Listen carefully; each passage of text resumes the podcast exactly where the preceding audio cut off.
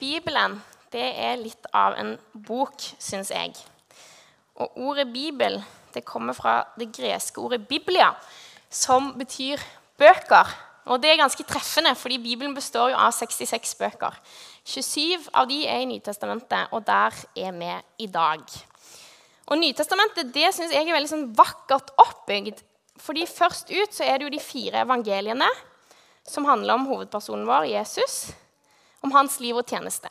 Og Så kommer apostlenes gjerninger, som handler om utbredelsen av eh, evangeliet, av nyheten om ham, og urkirken, den første kirken.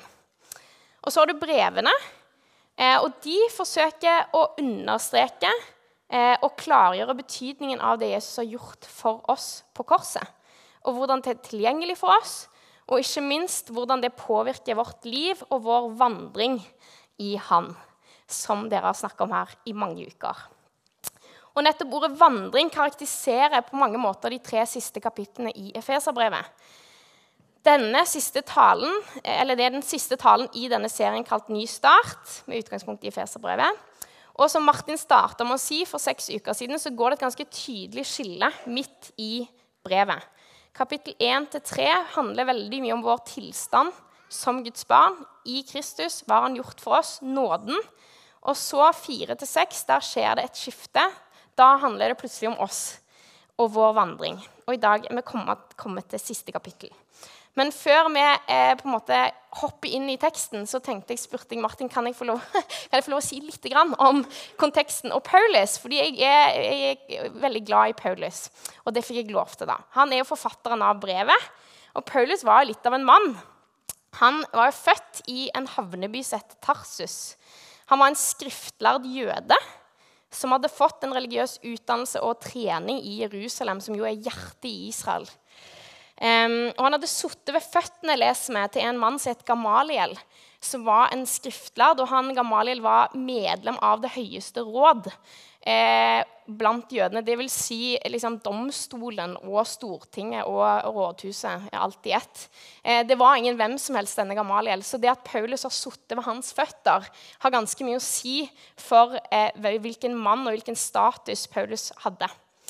Han var født med romersk borgerrett, står det i Apostelens gjerninger. Og det tilsvarer å ha norsk pass i vår verden i dag. I den antikke verden så hadde det utrolig mye å si. Vi kommer jo inn hvor som helst med hvis vi vil. tror Jeg Jeg har i hvert fall sjelden hørt om at norske statsborgere får problemer.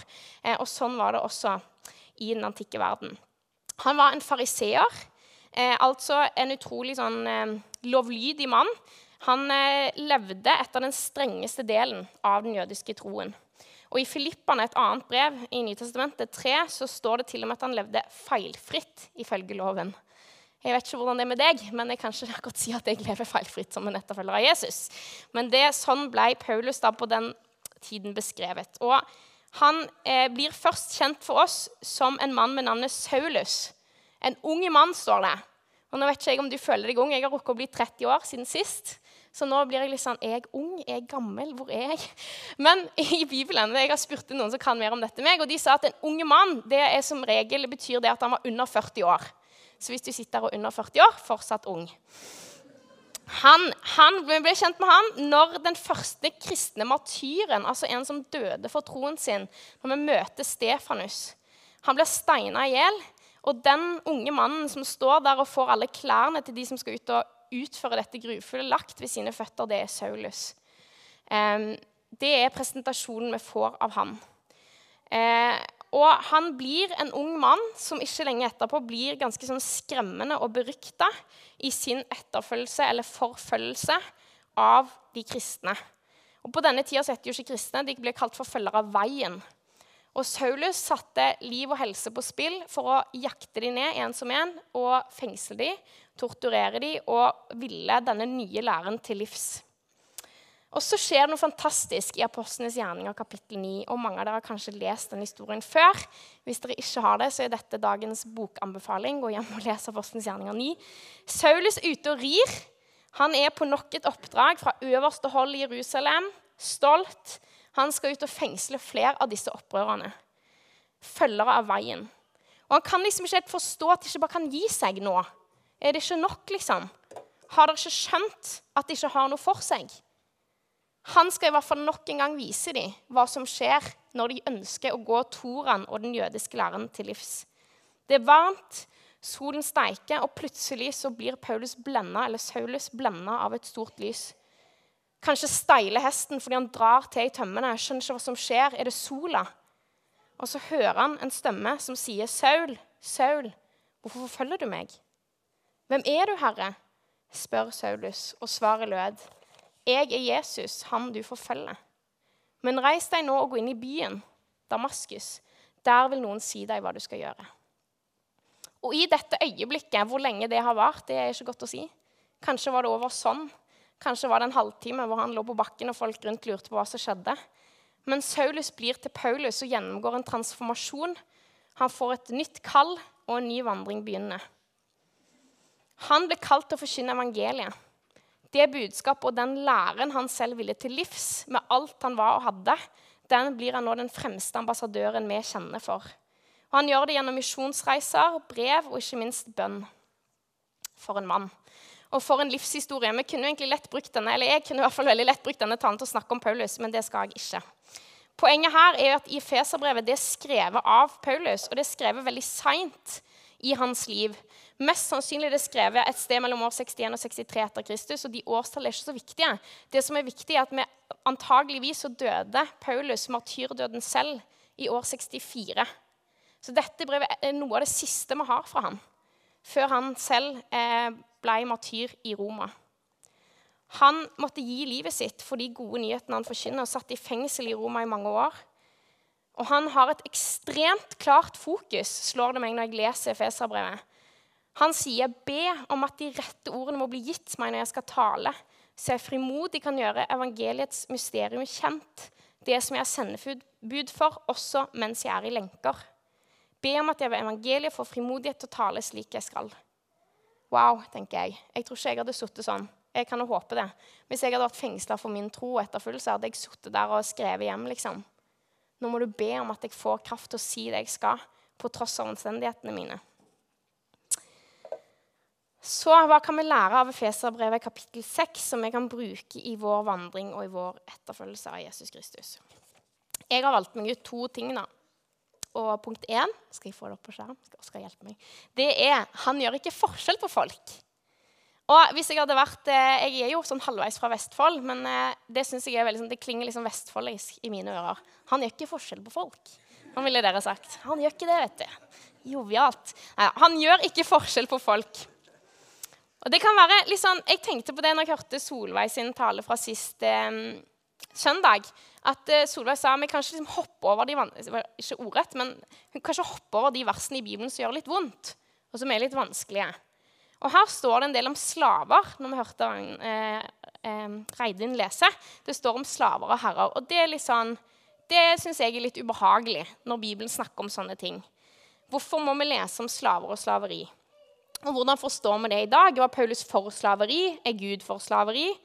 Svaret her er at for Paulus var det like utenkelig å leve i en verden uten slaver og slavehold som det er for oss å leve i en verden uten strøm og elektrisitet og følgene av det. Vi kan, i hvert fall klarer ikke jeg å tenke meg det.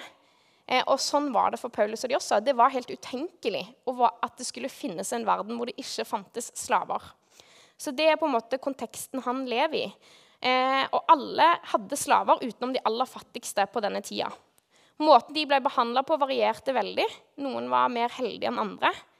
Eh, og I den kommende verden, når Jesus kommer igjen og gjenoppretter ting, så skal det ikke være noen form for ufrihet eller slaveri lenger. Men Paulus skriver inn i en tid hvor mange kristne troende hadde eh, herrer som de tjente og bodde hos, som ikke var kristne.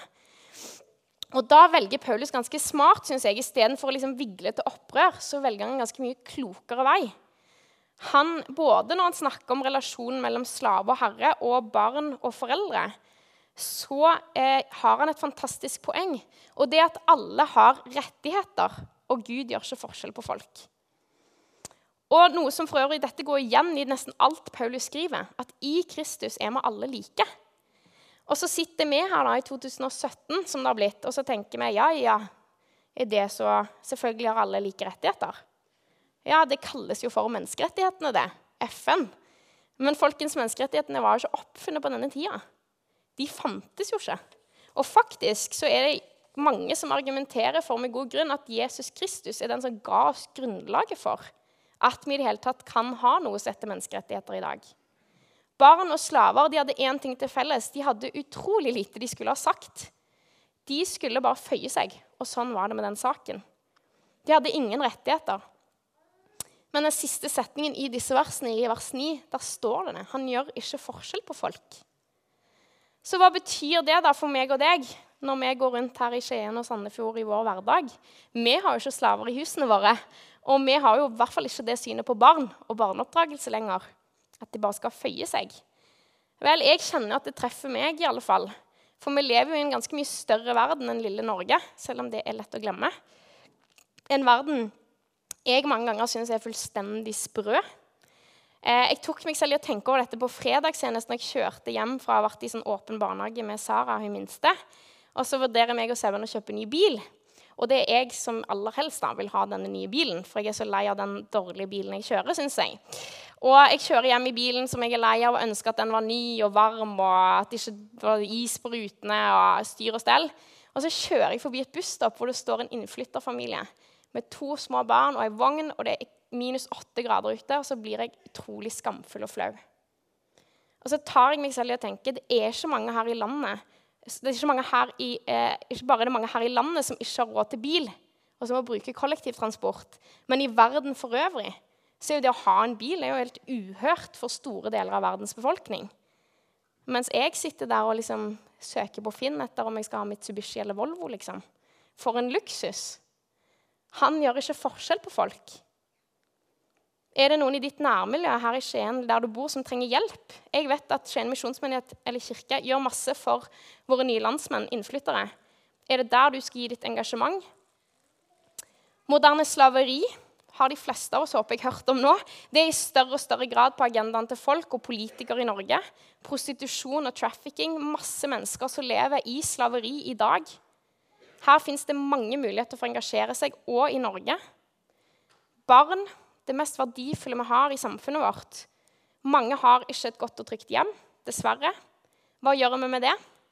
Sitter du her og lærer, barnehagepedagog? Kan vi åpne øynene våre? Tør vi å se det ingen andre ser? Kan vi tilby trygge havner, mat i magen, vennskap? Kan vi være reservebesteforeldre? Han gjør ikke forskjell på folk.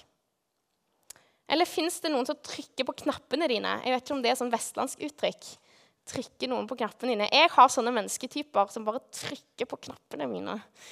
Mest sannsynlig er det fordi at de eh, klarer noe som jeg ikke kan.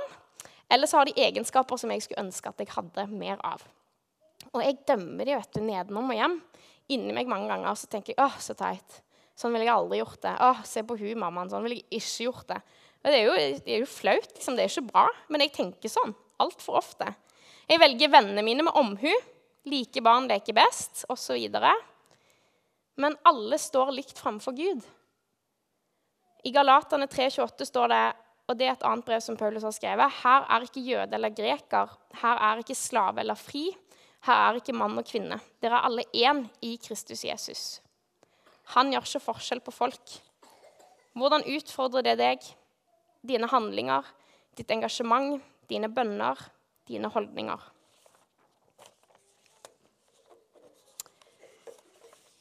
Hvis vi går videre i Efeserbrevet 6, fra vers 10 til 20, så står det Han kjemper for oss. Eller det er min overskrift, da. Men det står om Guds fulle rustning.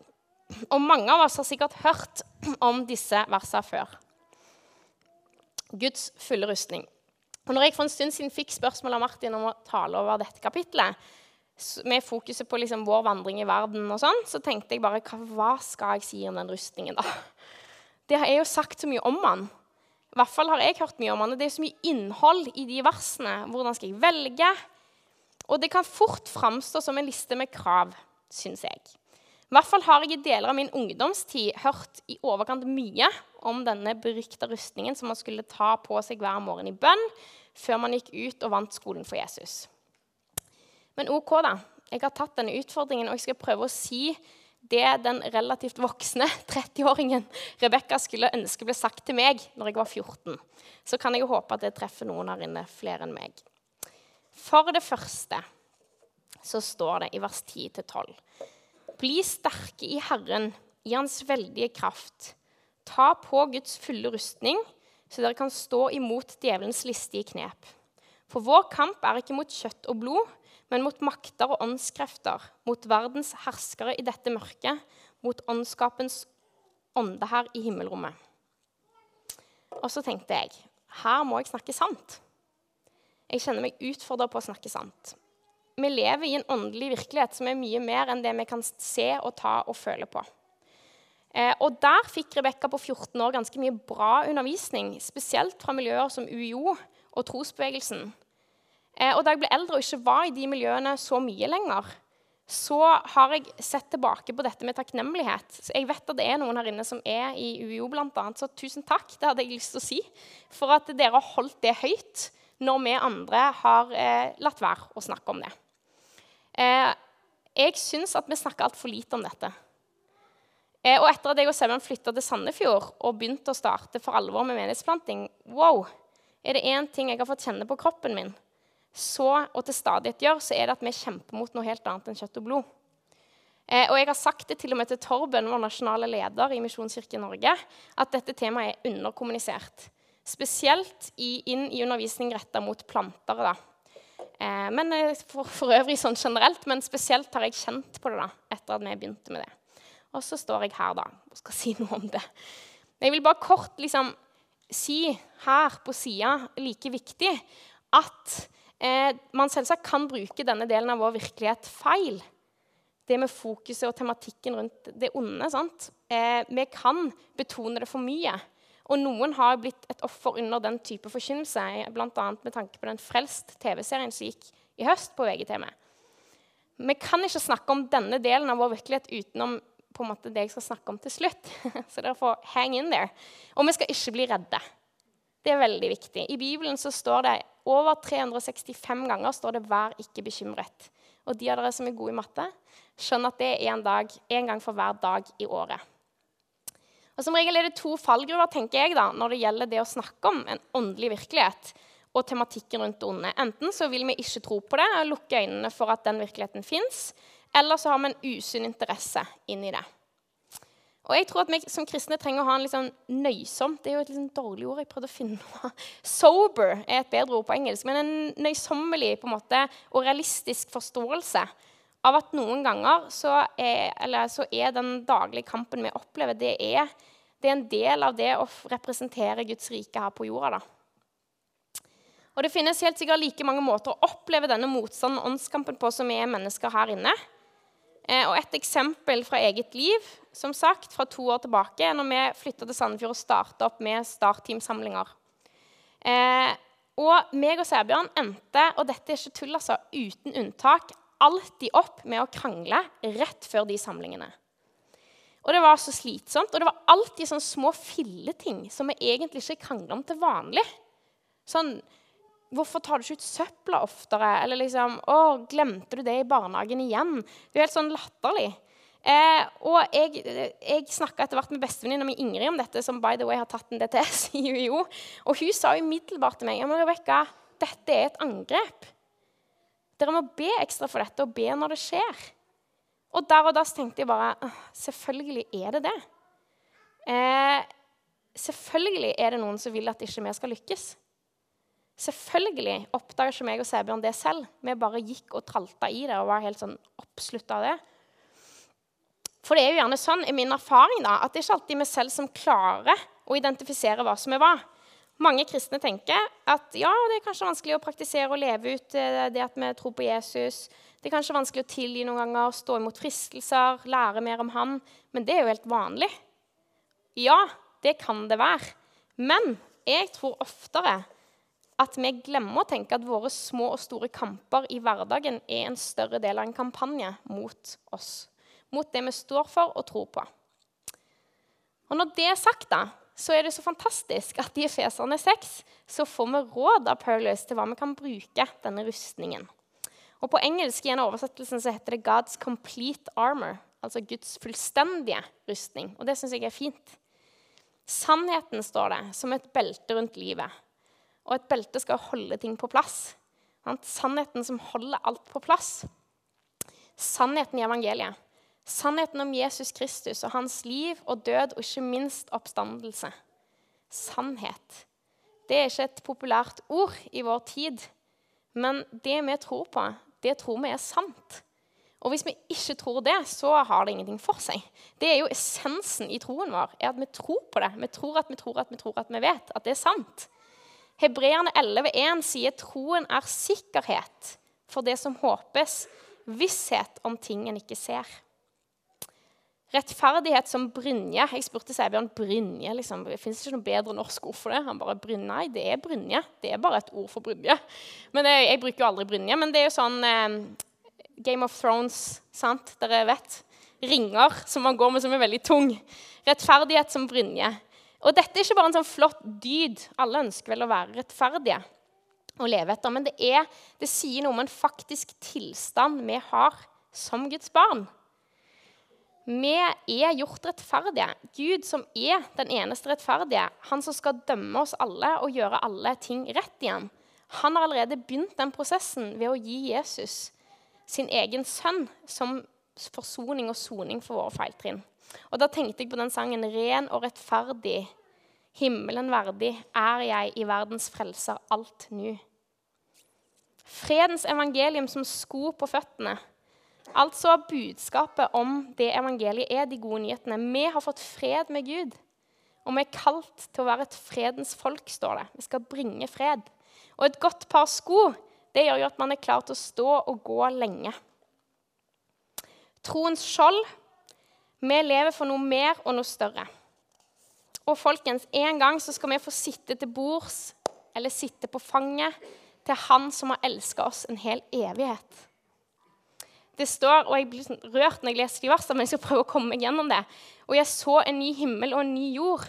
For den første himmel og den første jord var borte, og havet fantes ikke mer. Og jeg så den hellige by, det nye Jerusalem, stige ned fra himmelen, fra Gud, gjort i stand og pyntet som en brud for sin brudgom. Fra tronen hørte jeg en høy røst som sa, Se, Guds bolig er hos menneskene. Han skal bo hos dem, og de skal være hans folk og Gud selv skal være hos dem. Han skal tørke bort hver tåre fra deres øyne, og døden skal ikke være mer, heller ikke sorg eller skrik eller smerte. For det som før var, er borte. Dette tror vi på. Jeg håper du tror på det. En evig framtid med Han. Og la det være en trøst da når vi kjemper. For jammen meg kjemper vi noen ganger, i hvert fall føler jeg det, at livet er noen ganger hakket større kamp enn jeg orker å ta. Vi kjemper med tvil, vi kjemper med fortvilelse, vi kjemper med ensomhet, tragedie, sykdom, omstendigheter som rammer oss, fristelser.